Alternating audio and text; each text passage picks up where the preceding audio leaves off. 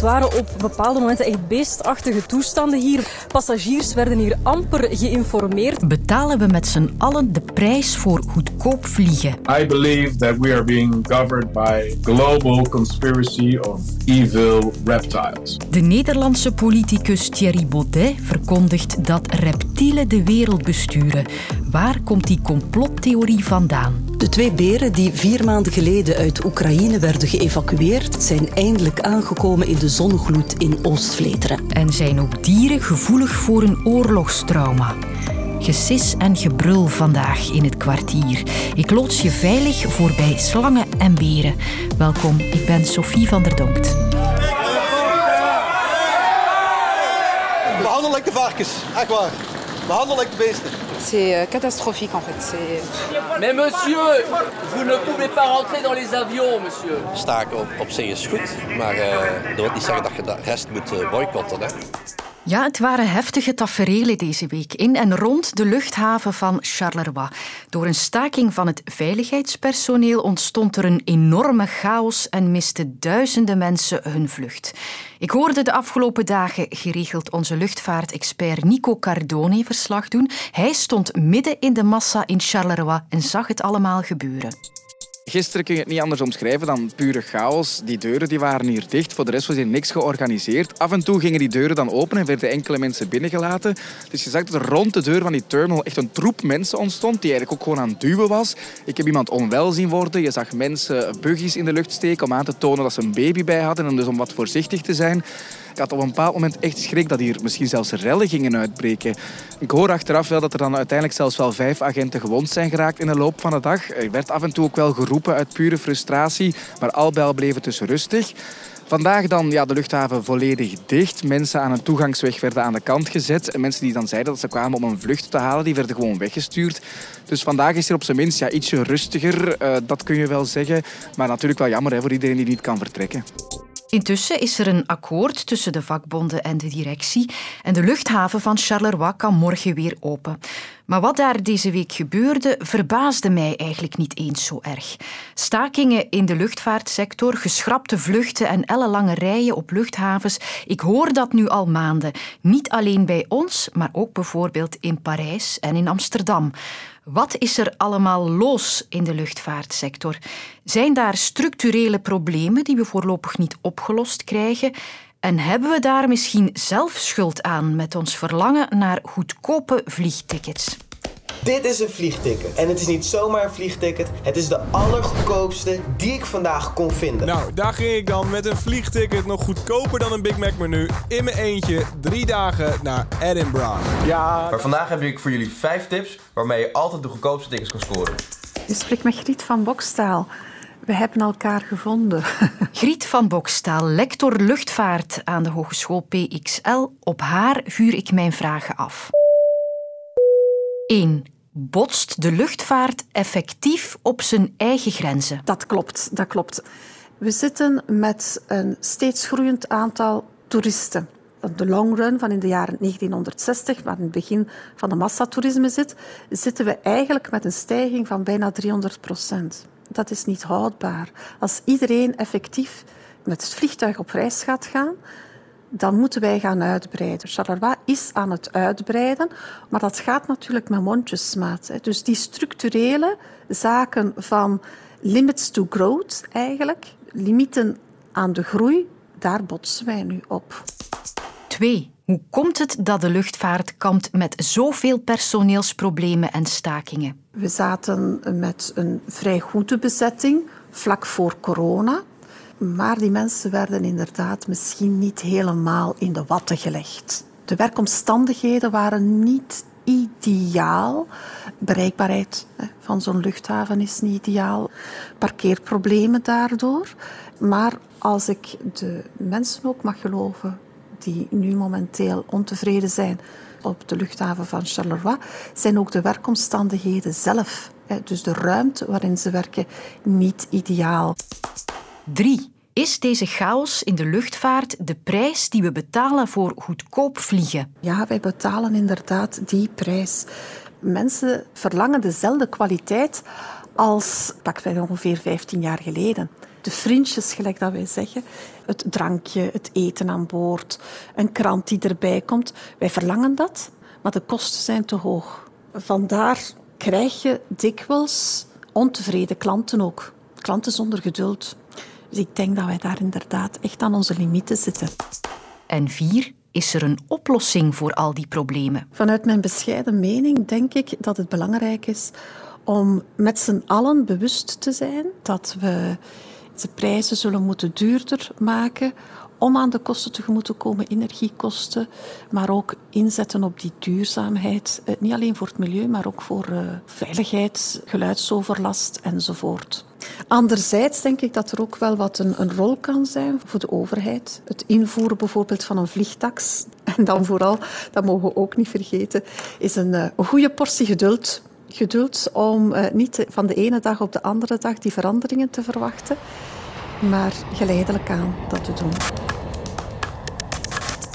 I believe that we are being governed by a global conspiracy of evil reptiles. Ik geloof dat we geleid worden door een wereldwijde samenzwering van kwaadaardige reptielen. Dat zijn niet mijn woorden, maar die van de Nederlandse politicus Thierry Baudet. Hij is Kamerlid en partijleider van de rechtspopulistische partij Forum voor Democratie. En zijn uitspraken veroorzaken ophef in Nederland. Baudet zelf zegt dat hij dat niet letterlijk zo bedoelde. Dat het beeldspraak was voor de harteloosheid en de koudbloedigheid van de wereldelite. En toch glibberen die reptielen alles vaker complottheorieën binnen. Jelle van Buren weet daar meer over. Hallo. Goedemorgen. Ja, u doet aan de Universiteit van Leiden onderzoek naar complotdenken. Reptielen die de touwtjes in handen zouden hebben. Hoe zit die complottheorie in elkaar? Deze complottheorie waarin reptielen de boventoon voeren, die komt eigenlijk in verschillende complottheorieën wel naar boven. Maar het meest bekend is eigenlijk hoe het is verspreid door David Icke.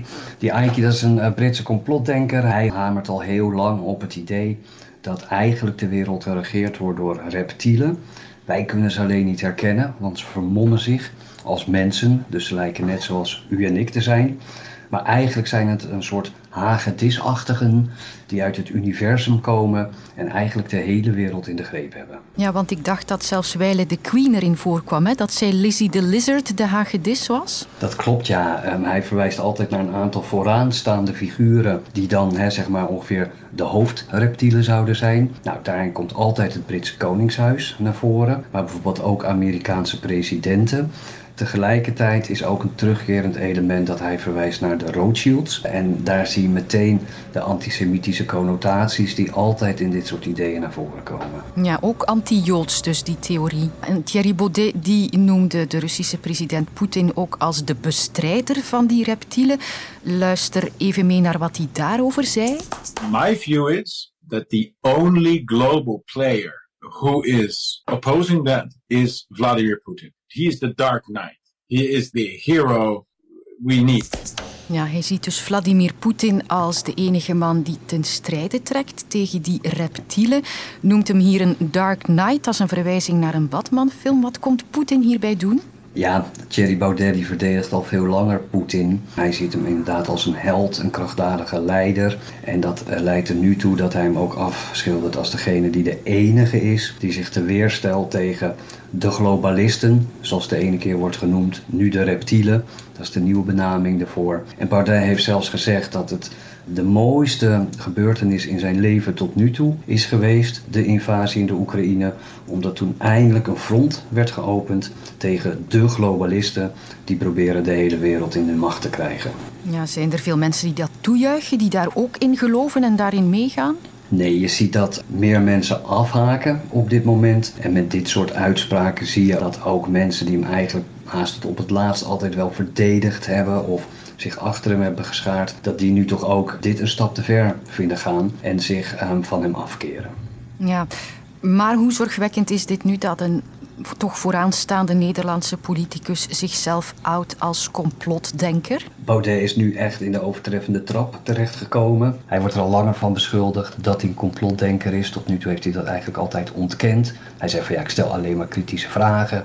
En jullie plakken dat etiket op mij alleen maar om mij te delegitimeren en mij de mond te snoeren. Nu zegt hij zelf, ja, ik ben inderdaad een complotdenker. Nou, een complotdenker in het hart van de Nederlandse democratie, die dit soort denkbeelden verspreidt en nu zelfs bij de reptielen is aanbeland. Ook al zegt hij zelf, het was maar een metafoor. Dat is uiteraard wel zorgwekkend. De Zonnegloed, dat zou de naam van een rusthuis kunnen zijn waar ik op mijn oude dag terechtkom.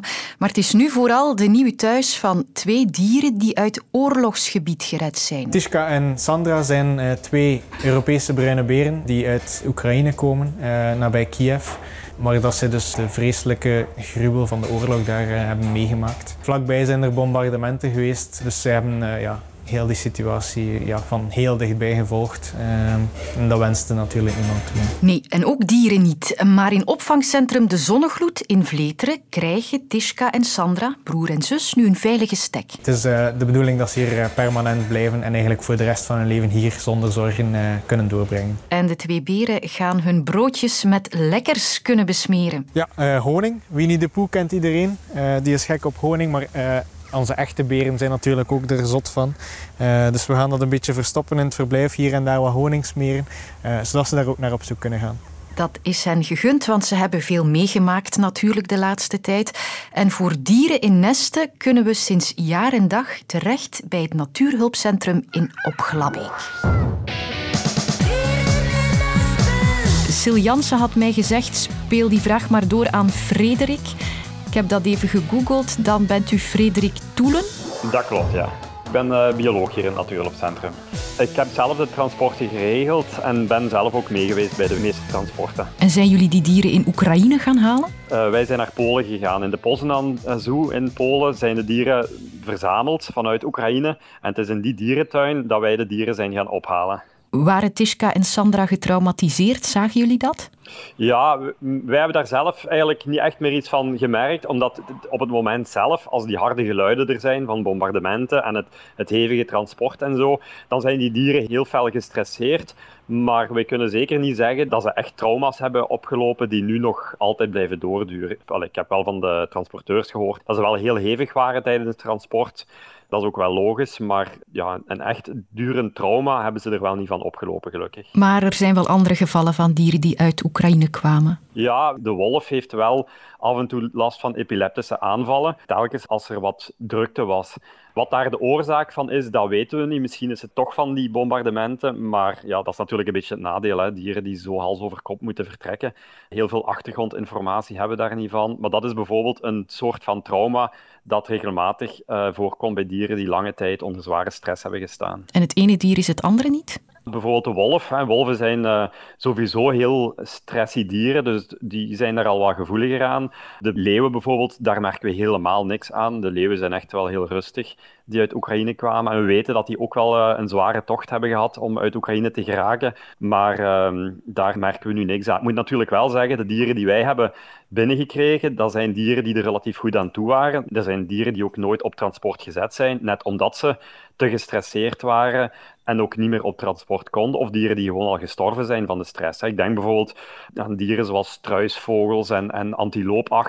Dat zijn dieren die zo fel gestresseerd kunnen raken dat die in hun weide beginnen rond te lopen en die zich gewoon doodlopen tegen een draad. Kijk maar naar, naar nieuwjaar hier elk jaar. Elk jaar zijn er bij nieuwjaarsnacht door het vuurwerk heel wat paarden en, en damherten en zo die zich doodlopen van de stress tegen de draad.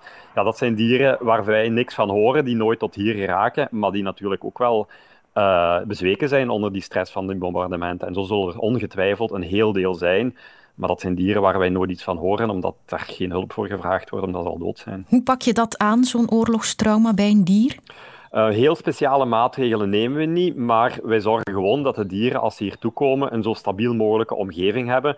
Uh, ze leren snel de verzorgers kennen. We proberen op vaste tijdstippen het eten te geven in de beginperiode dat ze er zijn. We zorgen ervoor dat ze niet te veel in contact komen met bijvoorbeeld de bezoekers en met veel volk. Uh, we zitten hier ook in een heel rustige omgeving, dus het is er eigenlijk een heel stabiele omgeving, zonder al te grote verrassingen en de stresssituaties voor die dieren Ja, en we merken dat alle dieren die uit Oekraïne gekomen zijn, uh, dat die het nog altijd heel goed doen hier.